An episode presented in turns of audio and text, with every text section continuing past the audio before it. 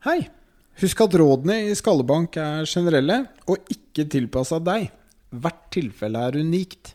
Derfor anbefaler vi at alle med hjernerystelse eller mistanke om det oppsøker kompetent helsepersonell for en individuell vurdering. Her kommer episoden.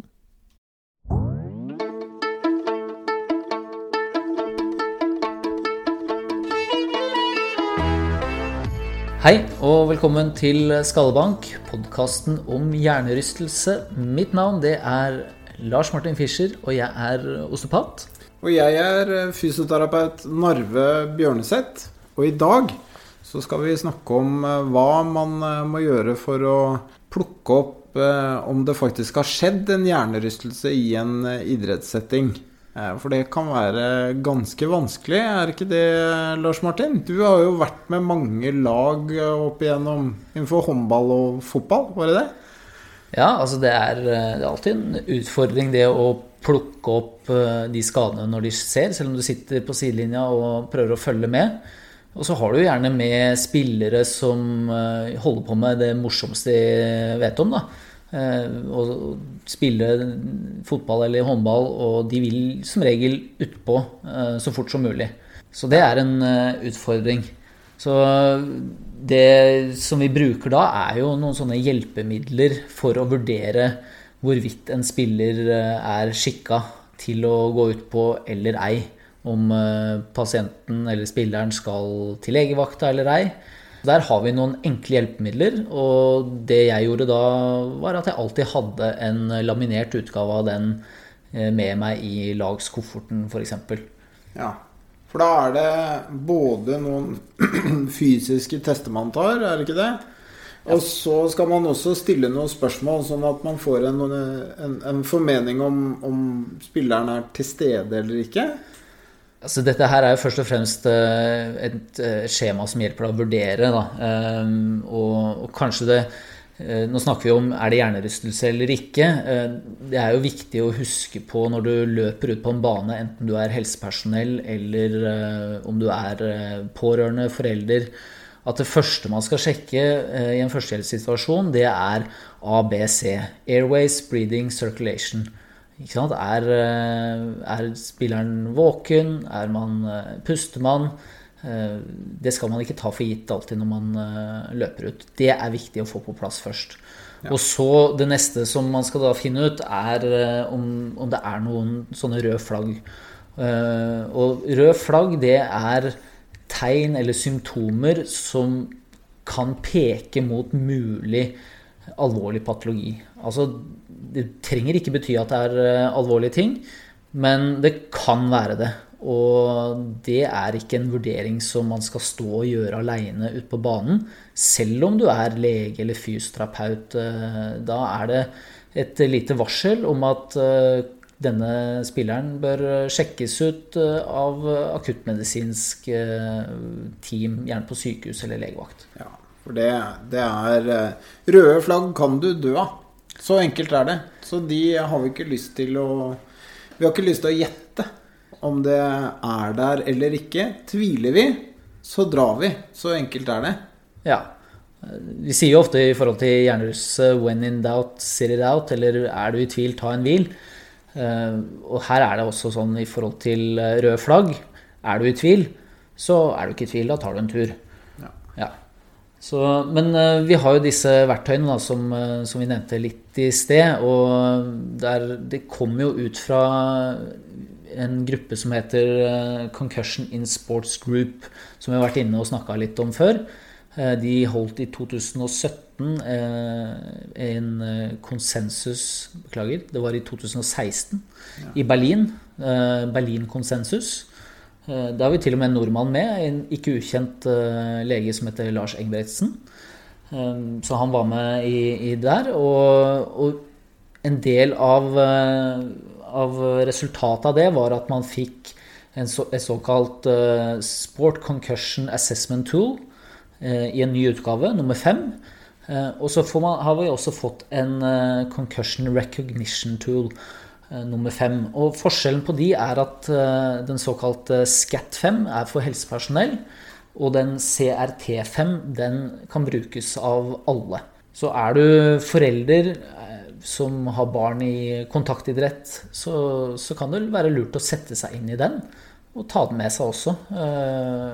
Sånn at du kan bruke det som en sjekkliste for å følge opp barnet ditt. Og da, da syns jeg det kanskje er greit at vi, vi, går gjennom de vanligste røde flaggene, da, i hvert fall sånn at det, det er, er kjent. Og, og det er hvis man har hvis man har veldig smerter i nakken, det kan være et, et rødt flagg. Eh, hvis man har slitt med dobbeltsyn, eh, hvis man har prikking eller brennende følelse ute i armer og bein, det skal man være obs på.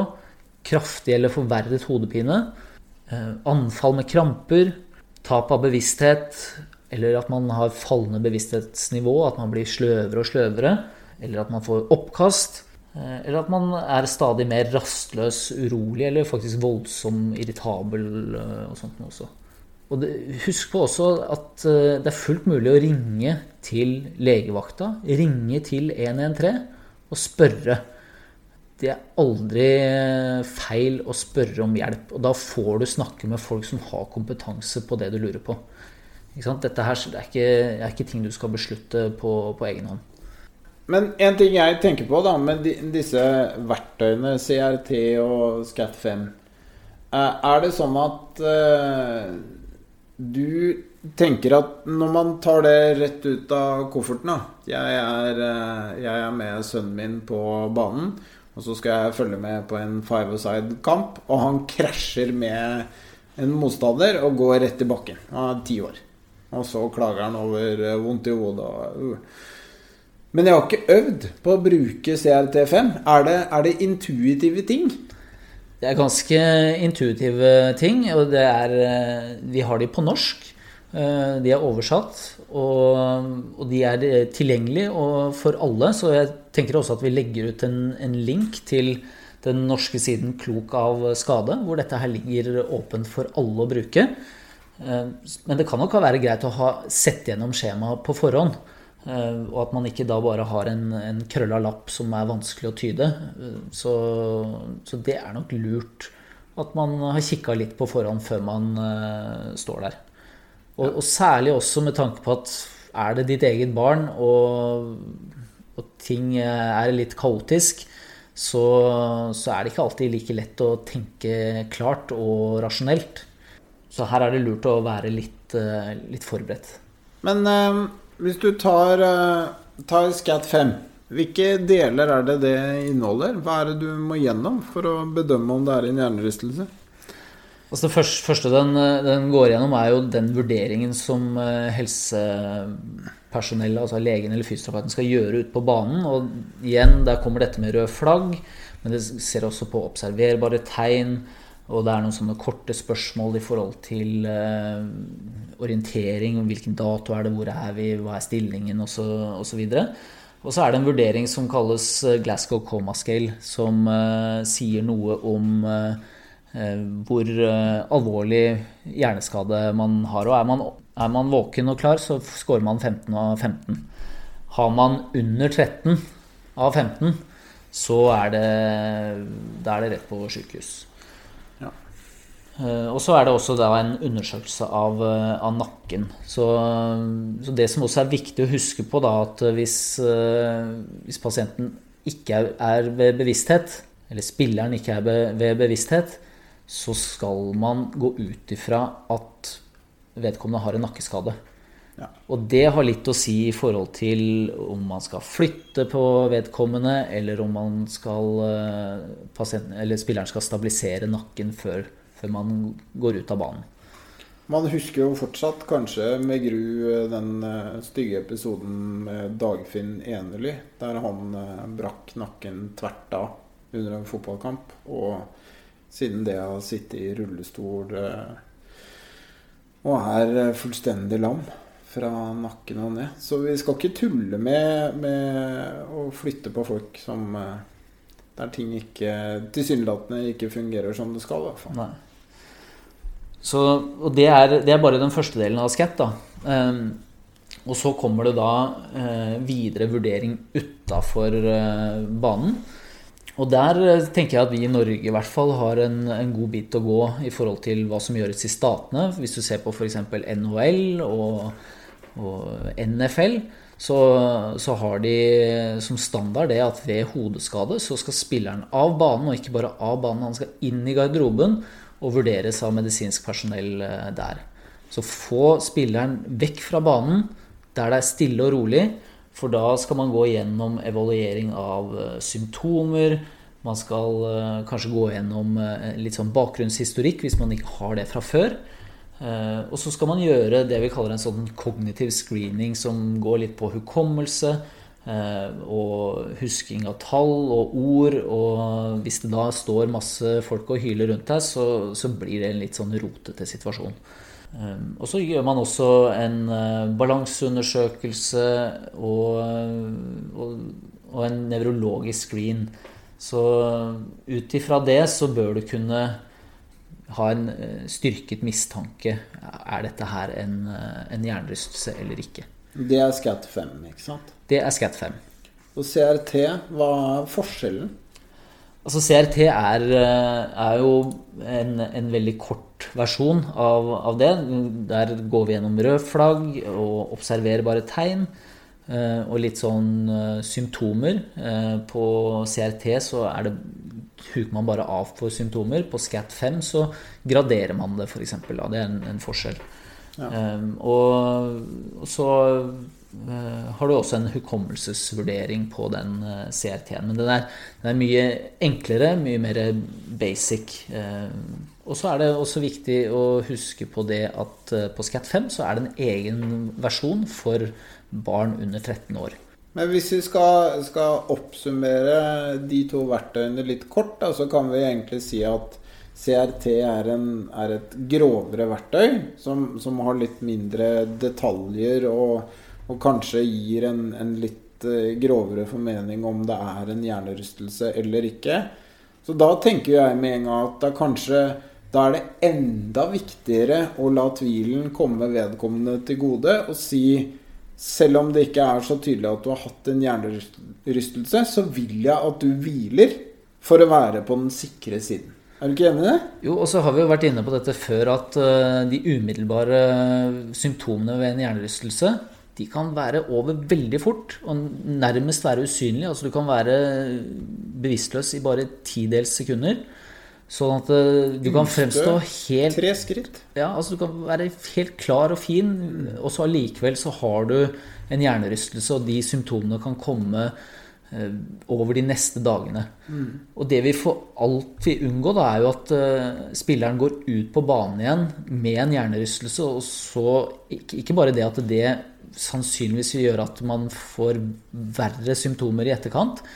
Men får man da en ny smell, så kan det bli en såkalt second impact-syndrom. Eh, og det kan potensielt være livsfarlig.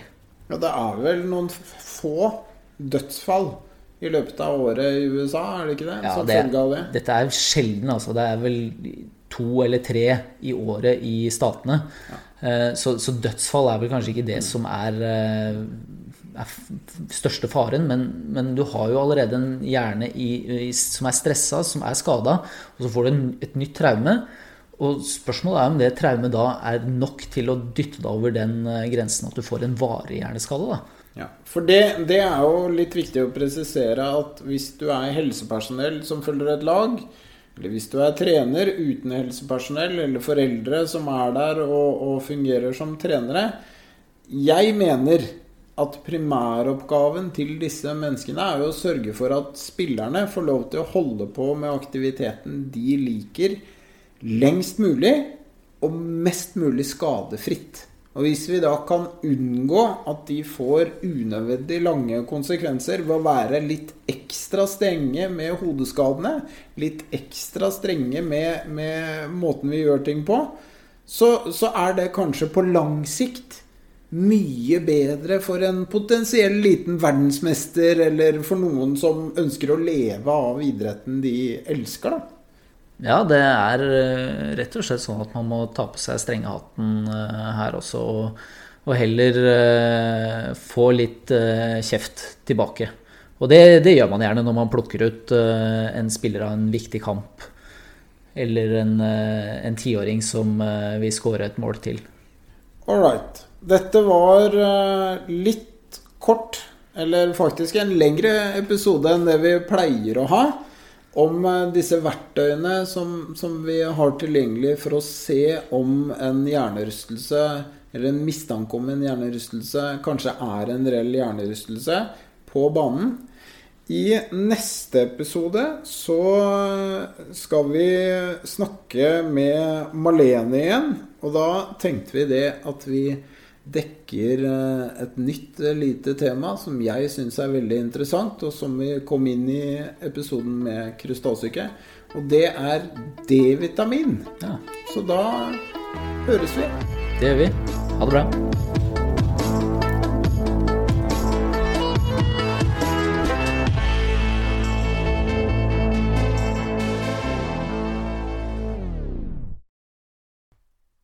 Hei, dette er Narve fra Skallebank. Har du ris, ros eller spørsmål, så setter vi pris på at du sender det til skallebankpod at gmail.com. Du kan også følge oss på sosiale medier under Skallebank hjernerystelse. Det finner du både på Instagram og på Facebook.